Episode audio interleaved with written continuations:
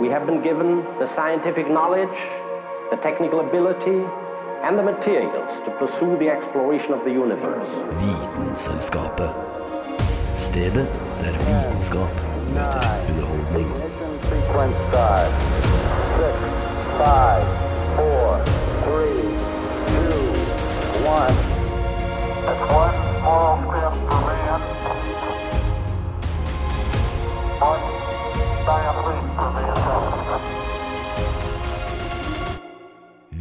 Vitenselskapet. På Radio Nova.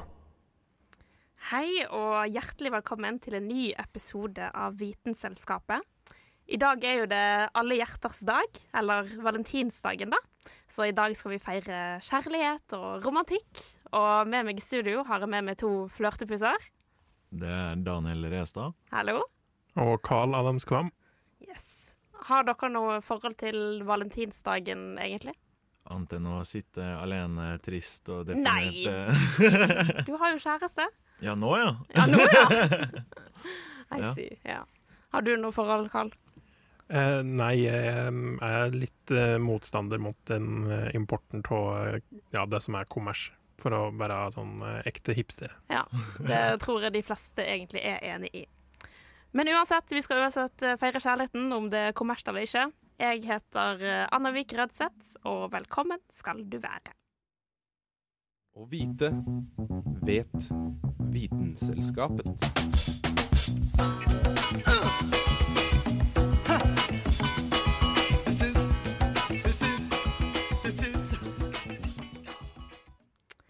Ja, jeg tenkte egentlig at vi kunne starte med det man vanligvis gjør før man blir sammen med noen, nemlig sjekking. Og Carl, du er jo uh, en meget habil sjekker. Ja, eh, kjekkeste fyren du har møtt. Ja, men du har vel eh, Eller hva er det som skjer i dyreverden med sjekking? Er det Ja, noen triks? Der er det noen veldig fine triks å lære seg. Noen av dem er godt kjente, men ikke alle. Mm.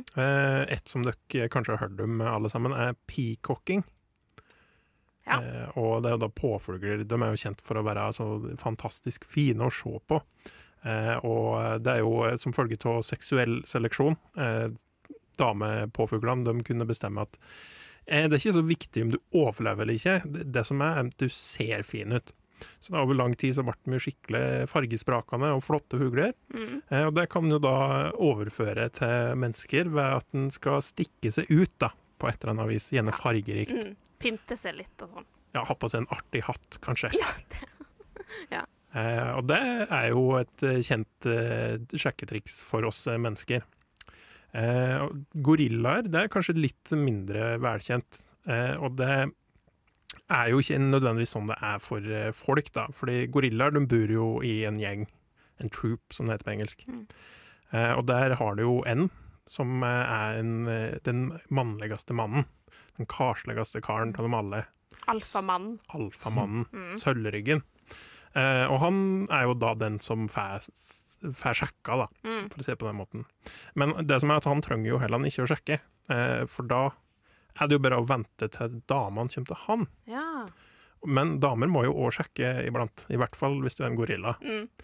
Eh, og da er det overraskende menneskelig. Da er det gå opp til han eh, alfahannen, Mm. Få djup øyekontakt, og så trekke sammen leppene litt. En litt sånn stram trutmunn. Og litt sånn hei, hva skjer? Sånn oh. Ja, Ja. det er akkurat det. Og hvis du ikke får oppmerksomheten hans, så er det bare å dunke i bakken til han ser på deg. Det er jo som å være ute på byen det er i Oslo. Det er jo Ja, men da tror jeg kanskje kjønnsfordelinga er litt motsatt. Ja, det tror jeg òg. Eh, og så veit jeg ikke om jeg vil anbefale å gå opp til noen du ikke kjenner fra før og stirre gift inn i øynene deres, for da kan det hende du blir tatt for en seriemorder i stedet. Det kan hende. Eh, men enda mer eh, ja, original, eh, ny, nyvinnende strategi finner så sjiraffene. Eh, de er jo noen rare krabater med lange hasjer, og ja, hvordan i all verden er det de sjekker opp? Jo da, eh, der er det hannene som gjør sjekkinga.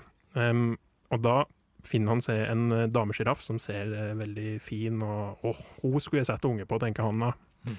Den gjør da at når han går, og så dunker han hodet hodet sitt baki eh, skrittet på damesjiraffen. Ja. Eh, for å vise at ja, men nei, eh, her er det noen som er interessert. En interessent, rett og slett. Eh, og da er det gjerne sånn at eh, den damesjiraffen er jo litt nysgjerrig på eh, han, hun òg. Så da urinerer hun litt. Og da fanger hannsjiraffen uh, urinen i, i munnen sin. Uh, og så lukter litt på det, og så er det nok til at uh, han finner ut om, om det her er dama for han, da. ja. Via tisset, altså. Ja. Ja. Og så, ja, hvis du skal på byen og sjekke opp, så kan det hende at du skal gå og dulte noen i rumpa og se om de vil tisse i munnen din. Um, når jeg sier det, så kanskje det ikke er så overførbart til mennesker, det heller. Nei, jeg hadde tenkt å spørre hvem av disse sjekketriksene du ville anbefalt meg å prøve en eller annen gang. Eh, da lurer jeg på om jeg skal slenge inn et nytt alternativ, eh, nemlig det som kulefiskene gjør. Eh, de lever jo da på i havet, da, som fiskenavnet tilsier. Eh, og de bygger noen fine mønster i sanda, eh, som da av en eller annen grunn damekulefiskene syns er skikkelig sexy. Oh. ja, ja. De er noen poeter, rett og slett. De Ja. skriver ting eller lager mat. Ja. Ja, nei, de logger da seg en sirkel med mønster som er ganske imponerende, i hvert fall til å være en fisk, Ja, ja. eh, og som da er tiltrekkende. Så da foreslår jeg, Daniel, at du går ut i en åker, logger en diger kornsirkel, og så ser du om det er noen damer som kanskje kan være interessert. Fy søren, det skal jeg gjøre.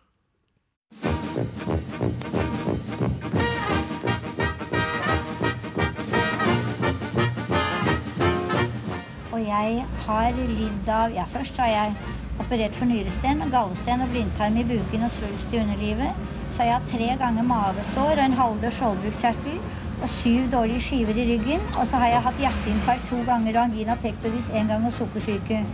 Og nå er jeg bra. Radio Nova. Hopper der andre hinker. Vi har vel alle kjent på forelskelse en, gang, en eller annen gang i livet. Eller i det minste så vet du hvordan det er å være glad i noen. Men har du noen gang tenkt på hva som faktisk skjer i kroppen din når du er forelsket? Som Gaute Ormåsen en gang så klokt sa, så er kjærligheten faktisk mer enn forelskelse. Ja, for den er også en god dose kjemi i form av hormoner i kroppene våre. Selv om man oftest tenker på hjertet i sammenheng med kjærlighet og forelskelse, så er det hjernen som er ansvarlig for at du stammer, svetter og generelt sett oppfører deg som en idiot i møte med crushet ditt. Forskere har kommet fram til at romantisk kjærlighet kan bli delt inn i tre forskjellige typer. Begjær, tiltrekning og tilknytning. Og hver av disse kommer med sin helt egne cocktail av hormoner. Begjær kommer kanskje ikke så overraskende fra sexhormonene testosteron og østrogen, og er nettopp det som gjør deg kåt. De settes i spill av en liten del av hjernen kalt hypotalamus, som generelt sett er ansvarlig for de mest livsnødvendige funksjonene kroppen din bedriver. Selv om testosteron er assosiert med å være et maskulint hormon, og østrogen et feminint hormon, har alle litt av begge deler. I tillegg til å øke libido fører testosteron også til økt muskelvekst, økt hårvekst og dypere stemme. Mens østrogen er nært tilknyttet menstruasjonssyklusen og produksjon av sædceller. Så det er kanskje forståelig at disse hormonene er ansvarlig for å øke sexlysten blant folk.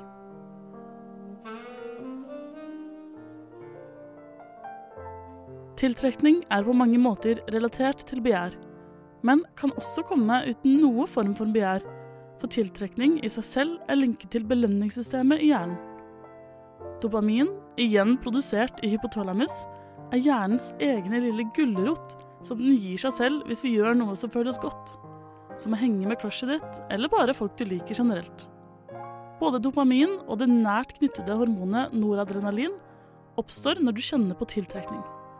Det gjør at du kan bli energisk, rastløs og euforisk, men kan også dempe appetitt og søvn, som gjør at du faktisk kan være så forelsket at du verken klarer å sove eller spise. Noradrenalinet er ikke så fryktelig langt unna vårt gode gammeldagse adrenalin her, og er hovedkomponenten i det man på godt norsk kaller for fight or flight-reaksjonen, som du sikkert har kjent på i forbindelse med forelskelser. Selv om noen hormonleveler går opp, går andre også ned under forelskelse. Ja, for en av grunnene til at man kan miste appetitten, er at serotoninnivåene reduseres. Ikke bare påvirker dette appetitten, men også humøret ditt. Til slutt tar vi for oss tilknytning, kanskje den viktigste komponenten for at et forhold skal vare i lengden, samtidig som det er hovedkomponenten i vennskap og familierelasjoner. Tilknytning blir styrt av hormonene oksytocin og antidiuretisk hormon, ofte forkortet til ADH. Du har kanskje allerede hørt om oksytocin, siden det ofte også blir kalt kosehormonet. Dette ekstremt søte kallenavnet kommer fra at oksytocin slippes ut i kroppene våre når vi klemmer hverandre, eller generelt sett gjør ting som kan føre til at man knytter seg til hverandre. Når det er sagt, er ikke kjærligheten bare roser. Flere av hormonene som er involverte, fører også til at deler av hjernen nærmest skrus av. Spesielt de delene som ellers brukes til logisk og kritisk tenkning. Så ja, du blir faktisk litt dummere når du er forelsket.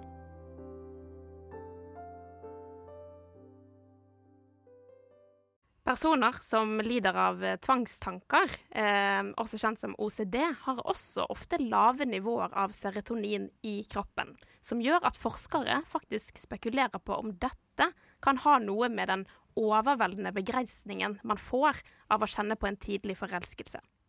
Uansett så ble denne saken laget av Julianne Li Fjell.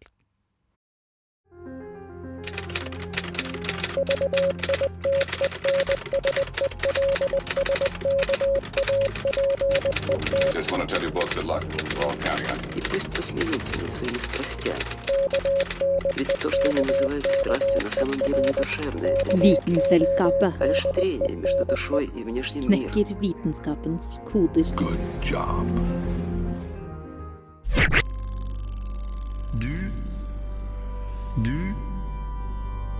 Du hø hø hører På- på Radio Nova. Det som kanskje er litt dumt med kjærlighet og forelskelse, er jo at man av og til kan få kjønnssykdommer. Eller hva, Daniel? Det er fort gjort. Og på en dag som valentines så er det lite som er så romantisk å snakke om som kjønnssykdommer. Fordi når man eh, ofte ender opp i en eh, seng eller utedo, så er det fort gjort det at man smitter eh, hverandre. Og den sykdommen jeg har eh, stilt meg inn på i dag, er en som kanskje ikke alle vet like mye om, men som har hatt en økning de siste årene. Og det er rett og slett gonoré. Mm. Så fint navn som det er. Og det eh, navnet, gonoré, er jo lite delikat i seg selv, og det kommer eh, av eh, gresk gono, som jeg var veldig sikker på at det betydde sæd. Fordi at eh, det som skjer da, er at eh, man får eh, gul utflod fra penis, fra Ja. urinrøret. Kan også forekomme hos eh, kvinner. Eh, som rett og slett skyldes en betennelse i urinrøret. da. Og de vanligste symptomene for det er vannlating og utfloden. Og den ubehandla infeksjonen kan da øker risiko for infertilitet. Ja. Ja, rett og slett. Da får man ikke barn Mm. heller. Og det er ganske enkel behandling mot det. Det er antibiotika, antar jeg. Det er det. Ja. Helt riktig. Mm. Og man tar egentlig bare og tester det på en veldig grei og fin, enkel måte. Enten urinprøve eller en sånn hva heter det, rørprøve hos eh, kvinner. Mm. Og, men den beste måten å beskytte seg mot dette her, Mm. er jo kanskje fenomenet kondom. Ja, Ja. ikke sant. Lite brukt, veldig tilgjengelig.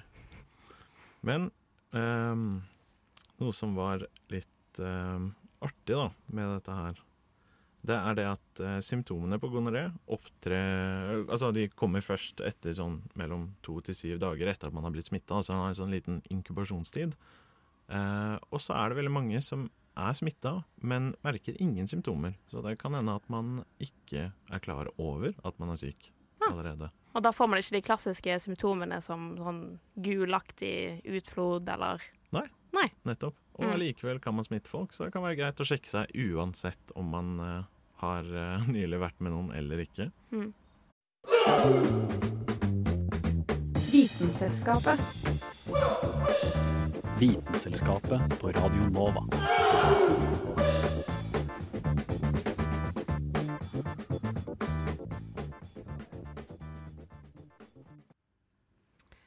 Du har kanskje hørt om uttrykket harehjerte, men kanskje vi burde gjøre om uttrykket til kolibrihjerte i stedet?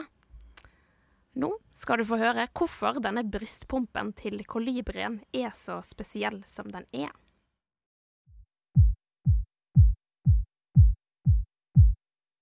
Høres dette kjent ut? Jeg tipper at alle som har løpt et stykke, blitt skremt eller vært skikkelig forelsket, har hørt eller kjent hjertet sitt banke litt fortere enn det vanlige.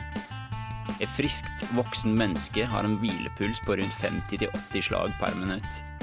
Og de med god kondisjon kan prosedere en maksfrekvens på rundt 200 slag i minuttet under store anstrengelser. Det høres omtrent slik ut.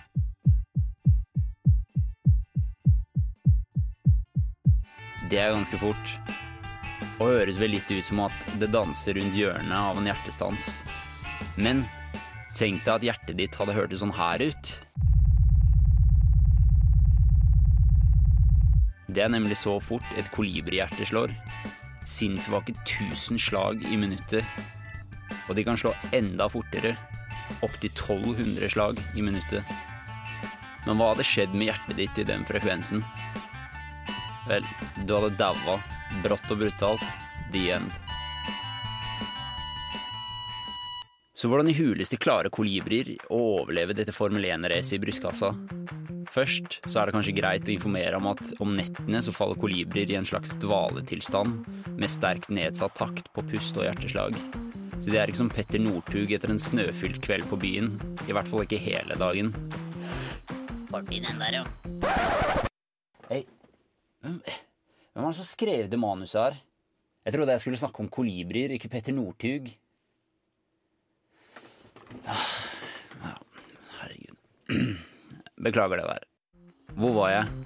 Jo, kolibrier går i denne dvalelignende tilstanden på nettene for å senke metabolismen så de rett og slett ikke sulter i hjel. For mens vi alle tropper opp på gymmen de tre første ukene av hvert år for å brenne kalorier, så svir denne lille fartsdemonen av det som for mennesket ville tilsvart 155 000 kalorier hver eneste dag. Og næringen får de ved å suge ut nektar av blomster, og de er biologiske mestere på å få mest mulig ut av fruktosen de får fra maten.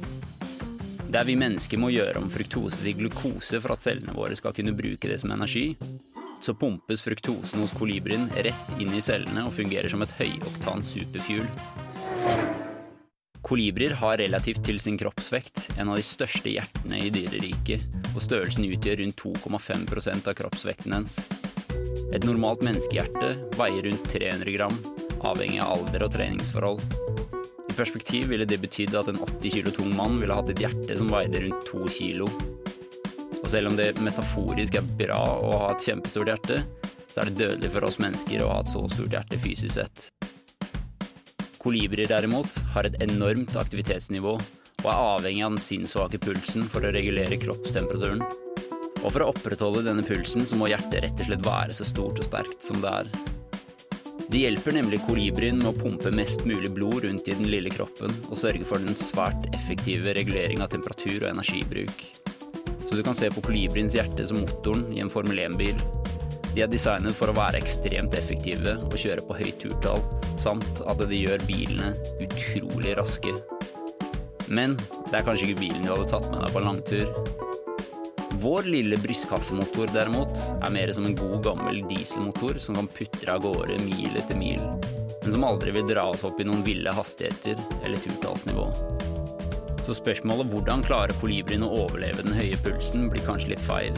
For det har seg slik at grunnen til at de i det hele tatt klarer å overleve, er av den høye pulsen.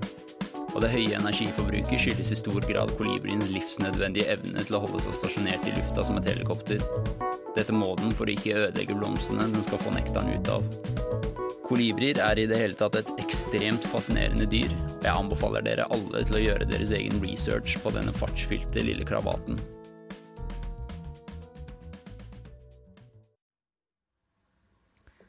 Og denne hjertefylte saken ble laget av Christopher Ramage.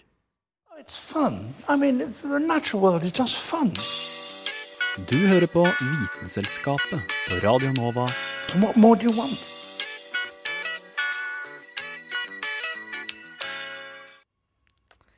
Så hjertet vårt er jo egentlig, eller hjertet generelt, er jo egentlig symbolet på selve kjærligheten. Men jeg må nok skuffe dere med den overraskende nyheten om at hjertet bare er en muskel som pumper blod rundt omkring i kroppen vår. Det er ikke det? Ja, Dessverre. Oh. Mm -hmm. Det er bare en helt vanlig muskel som Jeg vet ikke hvorfor den har fått den uh, uh, på en måte symbolet at det er kjærlighet rundt en muskel, men det er nå så. Uansett, disse hjerteslagene våre Man kan jo høre det hvis man er i høy fysisk aktivitet, at det banker i brystkassen. Um, disse selve pumpene, eller hjertebankene, starter helt øverst i høyre eh, kammer i hjertet vårt, eh, med en gruppe celler som kalles for sinusknuten. Og dette da er da en gruppe med spesialiserte celler som klarer um, og, eller har den evnen til å uh, lage elektriske impulser. Og når disse impulsene brer seg gjennom hjertet, så vil da hjertemuskel, for det er en muskel, trekke seg sammen, sånn at alt blodet inni hjertet blir pumpet ut i hele kroppen og alle organene våre. Men når hjertet vårt ikke fungerer normalt, eller man ikke klarer å regulere disse elektriske impulsene um, riktig, så må man ofte få hjelp i form av en pacemaker. Det har dere sikkert hørt om pacemaker. Ja, men jeg vet ikke så veldig fryktelig mye om den. Nei, en pacemaker er egentlig, iallfall dagens pacemaker, de har jo gått gjennom en voldsom utvikling de siste 70 årene. Men de vi har i dag, er sånn ca. 3 ganger 3 cm stor, en liten metallboks, um, som blir operert rett under huden, rett under kragebeinet på venstre side. Og så er det en del ledninger og elektroder som går inn i hjertet ditt, da. Og um, denne pacemakeren er rett og slett der for å regulere disse impulsene. For hvis man har f.eks. hjerteproblemer, at man har hatt hjerteinfarkt f.eks., eller en eller annen lidelse som gjør at disse elektriske impulsene i sinusknuten din ikke klarer å lede til resten av hjertet ditt f.eks. på en vanlig måte, da kan du få en pacemaker, da. Um, sånn at disse impulsene blir normalisert, og du har en normal hjerterytme. Men så hjelper den rett og slett bare med hjertet med å dunke, da? Eh, ja, rett og slett. Fordi ofte kan du ha eksempel at hvis du eh, har eh, litt eh, uregelmessig hjerterytme, så har du en pacemaker inne, og da, hvis hjertet ditt pumper normalt, eksempel, så vil pacemakeren være helt passiv og ikke gjøre noe spesielt, egentlig. Men hvis eksempel hjertet ditt begynner å eh, pumpe saktere eller hopper over et slag her og der, da vil de elektriske impulsene fra pacemakeren komme inn og hjelpe til, eller erstatte de ele elektriske impulsene ditt eget hjerte ikke klarer å eh, produsere selv. Da. Men siden den der er elektrisk, Mm. så krever den jo strøm. Det, Ja. hvordan, hvordan lader du? Er det sånn ja, jeg må bare gå bort og lade litt? Jeg står og plugger en iPhone-lader inn i brystet, eller? Ja, eller det er jo som sagt eh, vært gjennom en ganske stor utvikling siden, eh, eh, siden starten. Eh, I dag er jo det batteridrevet, så du kan ha pacemakeren din under huden omtrent hele livet, og så bytter du batteri hvert tiende til femte år, kanskje. Oi, det var jo så lenge. Ja, jeg ble også veldig overrasket over hvor lenge de faktisk varte. Det er kanskje ikke den største mengden med strøm. Det er ikke sånn eh, 1000 volt rett på hjertet hver gang. Nei, det tviler jeg på. Da hadde nok eh, flere dødd av å bare ha en pacemaker, tror jeg. Men det er jo en sak som forlenger livet, definitivt. Men noe av de første prototypene på pacemaker som kom, eller som de prøvde ut, det var på ca. 1950-tallet. Og da var det ikke trådløse pacemakere ute på markedet. Eh, Da var man avhengig av en lang, lang, lang ledning og en stikkontakt. Og pasientene gikk rundt med en slags rullator med en stor maskin oppå rullatoren, der selve pacemakeren var, da. Og eh, ja, det er jo meget upraktisk å ha en sånn rullator med hjertet sitt foran, basically. Og disse pacemakerne var jo selvfølgelig bedre enn ingenting, men det var jo mange pasienter som døde bare av strømbrudd, siden da fungerte jo ikke denne pacemakeren um, i det hele tatt. Og, men etter hvert så fikk man trådløse batteridreven, men de første batteridrevne var også eh, utstyrt sånn at de fyrte eh, i en konstant hastighet, på en måte, sånn at du hadde en konstant hjerterytme hele tiden. Og det er jo også egentlig ganske upraktisk, fordi som du vet, så går du opp og ned i puls avhengig av aktivitetsnivå. Um, så den klarte jo ikke å regulere din egen normalfrekvens i hjertet ditt, på en måte. Uh, og klarte å tilpasse seg etter det. Men dagens gjør jo det, at den klarer å erstatte eller supplere med elektriske signaler avhengig av hva dine egne celler klarer um, i utgangspunktet, da. Mm. Men pacemaker er jo også egentlig ganske vanlig. Eller vi har jo alle egentlig hørt om pacemaker. Um, og bare i Norge i 2020 så var det 30 000 mennesker som hadde pacemaker, eller som har pacemaker, da. Og 4000 av de ble nyoperert i 2020. Men vet dere, eller kan dere tenke dere når den første pacemakeren, altså den lille, ikke rullatoren, men Ja. den lille pacemakeren ble innoperert eh, på et menneske? Åh, Carl, kan du gjette først? Da tipper jeg 2000. 2000. Jeg hadde tenkt sånn 1980. Jeg, eh, vi, er, vi mennesker er nok smartere enn det, altså. Oh. Den første pacemakeren ble operert inn i 1958. oi, det var mye tidligere enn det. Ja, jeg ja, ja. Og det var da en pasient som het eh, Arne Larsson. Han var en svensk eh, 42-åring som hadde eh, begynt å fått hjerteproblemer. At han besvimte litt her og der, hadde uregelmessig hjerterytme. Og da fikk han da en liten pacemaker inoperert under huden i 1958. Men den første pacemakeren sluttet da å virke etter et par timer. Så han fikk en ny pacemaker eh, operert dagen etter. Så han var jo på en måte som en slags forsøkskanin, og gjennom hele livet sitt så hadde han totalt 26 forskjellige pacemakere inni seg. Og også flere batteribytter, ledningsbytter og diverse ting. Men han eh, Arne Larsson han eh, døde som en 86-åring, så han hadde et veldig langt liv med denne, alle disse pacemakerne sine. Og han levde lengre både enn sin lege og ingeniøren som lagde denne pacemakeren. Så det er jo egentlig ganske kult. Jeg håper at hvis jeg er nødt til å ha en, at jeg kan få en som ser ut som en Arc Reactor til Iron Man. Ja. Det kan hende det finnes. There's hydrogen and helium, then lithium, beryllium, boron, carbon everywhere, nitrogen all through the air, with oxygen so you can breathe. Du hører på Vitenselskapet på Radio Nova. Magnesium, aluminium, silicon, phosphorus, then sulfur, chlorine, then argon, potassium, and calcium so you'll grow strong. Scandium, titanium, vanadium, and chromium, and manganese.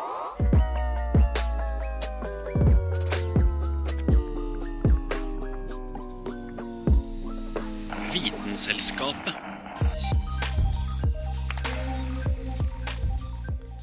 Da var eh, kjærligheten over.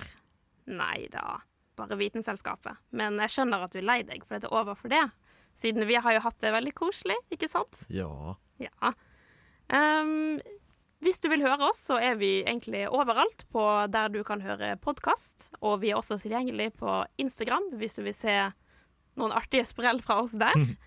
Ehm, vi høres igjen neste uke. Jeg heter Anna Vik Rødseth, og med meg i studio så hadde jeg Daniel Restan. Carl Adams Kvam. Vi snakkes. Ha det bra. Ha det.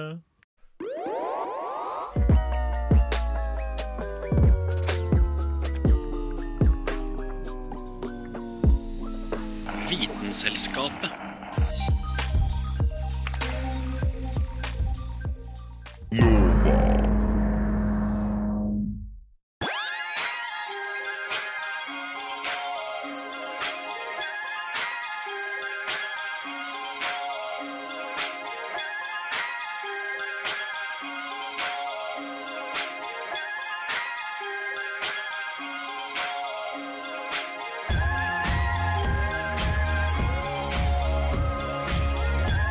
1982 har Radio Nova gitt deg favorittmusikken din.